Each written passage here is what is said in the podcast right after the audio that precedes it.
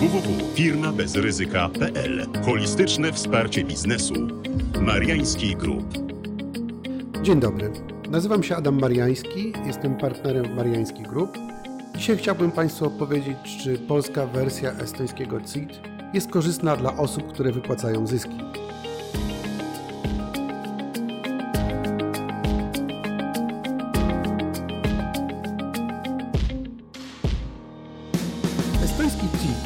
Jest korzystny dla osób, które wypłacają zyski? W mediach coraz częściej słyszymy hasło estoński CIT jako przedstawione jako alternatywa dla opodatkowania zysków spółek kapitałowych. Ale czy estoński CIT to tylko podatek dochodowy od osób prawnych? Czy też estoński CIT Made in Poland to także alternatywa dla udziałowców oraz akcjonariuszy? Osoby, które stały przed wyborem najkorzystniejszej formy prowadzenia działalności gospodarczej, doskonale wiedzą, że zyski spółki kapitałowej nie są tylko zyskiem samych udziałowców. Najpierw następuje opodatkowanie spółki, a następnie udziałowców bądź akcjonariuszy, a tym samym dochody im wypłacane są o ponad 34% niższe niż wypracowany przez spółkę zysk. Z czego tego, to wynika?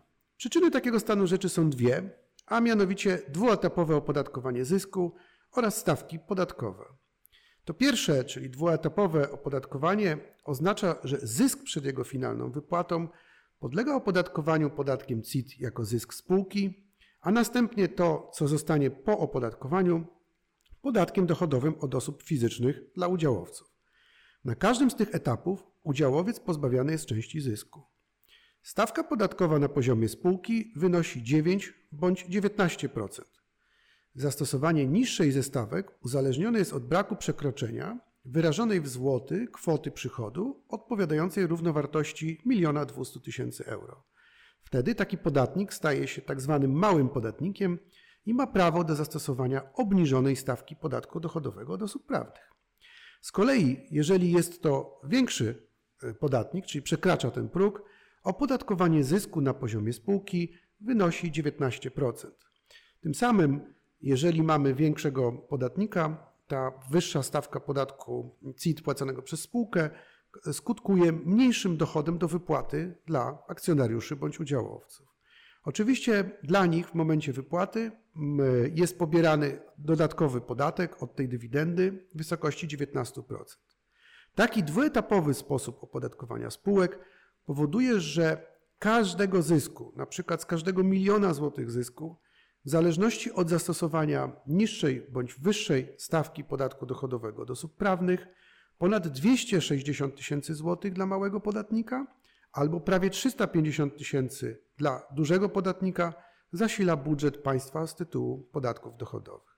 A tym samym jedynie 740 bądź 650 tysięcy złotych trafia do udziałowca lub akcjonariusza. Jak to ma się zatem do nowego rozwiązania, czyli naszej wersji nadbałtyckiego podatku CIT? Otóż wdrożenie estońskiego CIT w samym tylko wariancie podstawowym oznacza, że w zależności od wielkości spółki udziałowiec bądź akcjonariusz otrzyma 750 tysięcy bądź 700 tysięcy złotych. Ponadto korzyści ze stosowania estońskiego CIT poza samym wzrostem kwoty dywidendy jest także to, że korzyści te powstają w spółce posiadającego status małego podatnika i będą miały miejsce przy spełnieniu odpowiednich warunków, mimo utraty tego statusu. Oznacza to jeszcze więcej korzyści dla spółek, które z jednej strony, z uwagi na przekroczenie kwoty przychodów, nie mogą korzystać z tej obniżonej stawki 9%, z drugiej strony posiadają status małego podatnika. Takiej sytuacji zastosowanie estońskiego CIT oznacza, że udziałowiec lub akcjonariusz otrzyma dywidendę wyższą o ponad 14%. Przekłada się to na mniej więcej 100 tysięcy y, złotych dodatkowych środków dla akcjonariusza na każdy milion zysku spółki. Natomiast dla udziałowców bądź akcjonariuszy większych spółek zastosowanie tego nowego rozwiązania, powszechnie nazywanego estońskim CIT-em, w porównaniu do dywidendy wypłaconej na dotychczasowych zasadach oznacza wzrost o ponad 6,5%. Udziałowiec takiej spółki na każde 100 tysięcy zysku otrzymuje zatem dodatkowo około 50 tysięcy złotych. Mało, dużo czy więcej? Poczynienie w ramach estońskiego e, rozwiązania, tego, które jest proponowane w tej chwili, odpowiednich i wysokich inwestycji, spowoduje, że dywidenda wypłacona udziałowcowi lub akcjonariuszowi będzie jeszcze wyższa. I tak w zależności od wielkości spółki udziałowiec otrzyma 800 bądź 750 tysięcy złotych przy zysku wynoszącym milion złotych.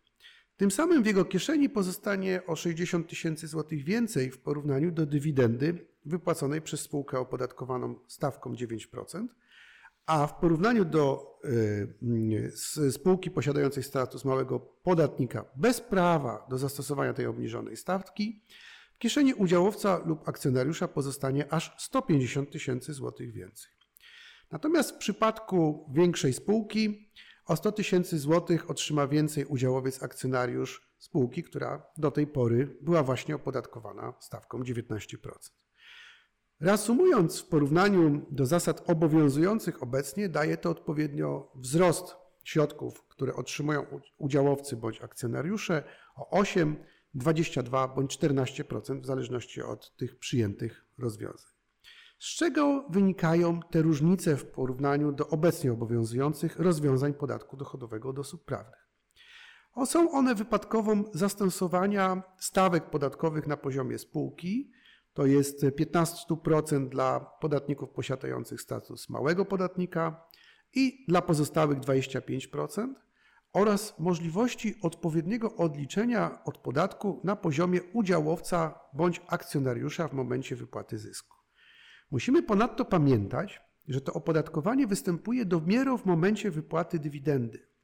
Wcześniej ani spółka, ani udziałowcy nie płacą podatku dochodowego. Jeżeli już wypłacają, to w tym momencie dla samej spółki mamy właśnie takie stawki podatku dochodowego do osób prawnych zastosowane i odliczenie dla akcjonariusza, a w konsekwencji niższe opodatkowanie niż w tradycyjnym rozwiązaniu podatku dochodowego od osób prawnych.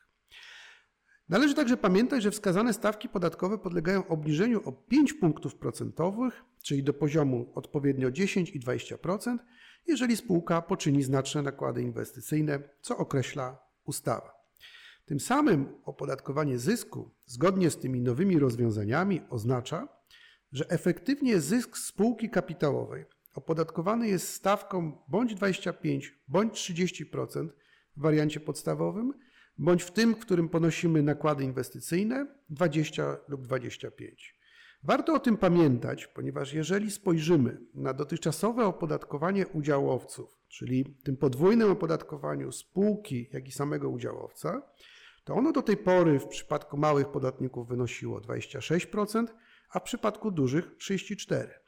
Natomiast teraz będzie taka możliwość, ażeby obniżyć w tym pierwszym przypadku, czyli małych podatników, to efektywne opodatkowanie do 25%, a w przypadku nakładów inwestycyjnych do 20%, czyli mamy różnicę, schodzimy z 26% na 25% albo 20% opodatkowania, a w przypadku dużych podatników z, 30, z ponad 34% odpowiednio do 30 bądź 25%. Stąd właśnie mamy takie efekty, które prezentowałem wcześniej w postaci oszczędności płaconego podatku przez spółkę i udziałowców, a tym samym większego dochodu, który zostanie wypłacony akcjonariuszom bądź udziałowcom. Okazuje się zatem, jest, e, ten, te nowe rozwiązania są nie tylko alternatywą dla opodatkowania spółek kapitałowych, ale także ciekawym rozwiązaniem dla samych udziałowców oraz akcjonariuszy.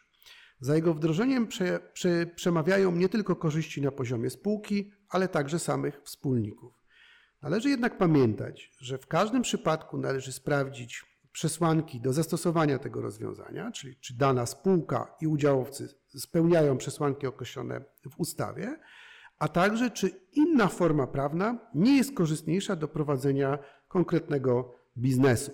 W szczególności należy zwrócić uwagę na dość korzystne opodatkowanie spółek osobowych oraz spółki komandytowo-akcyjnej.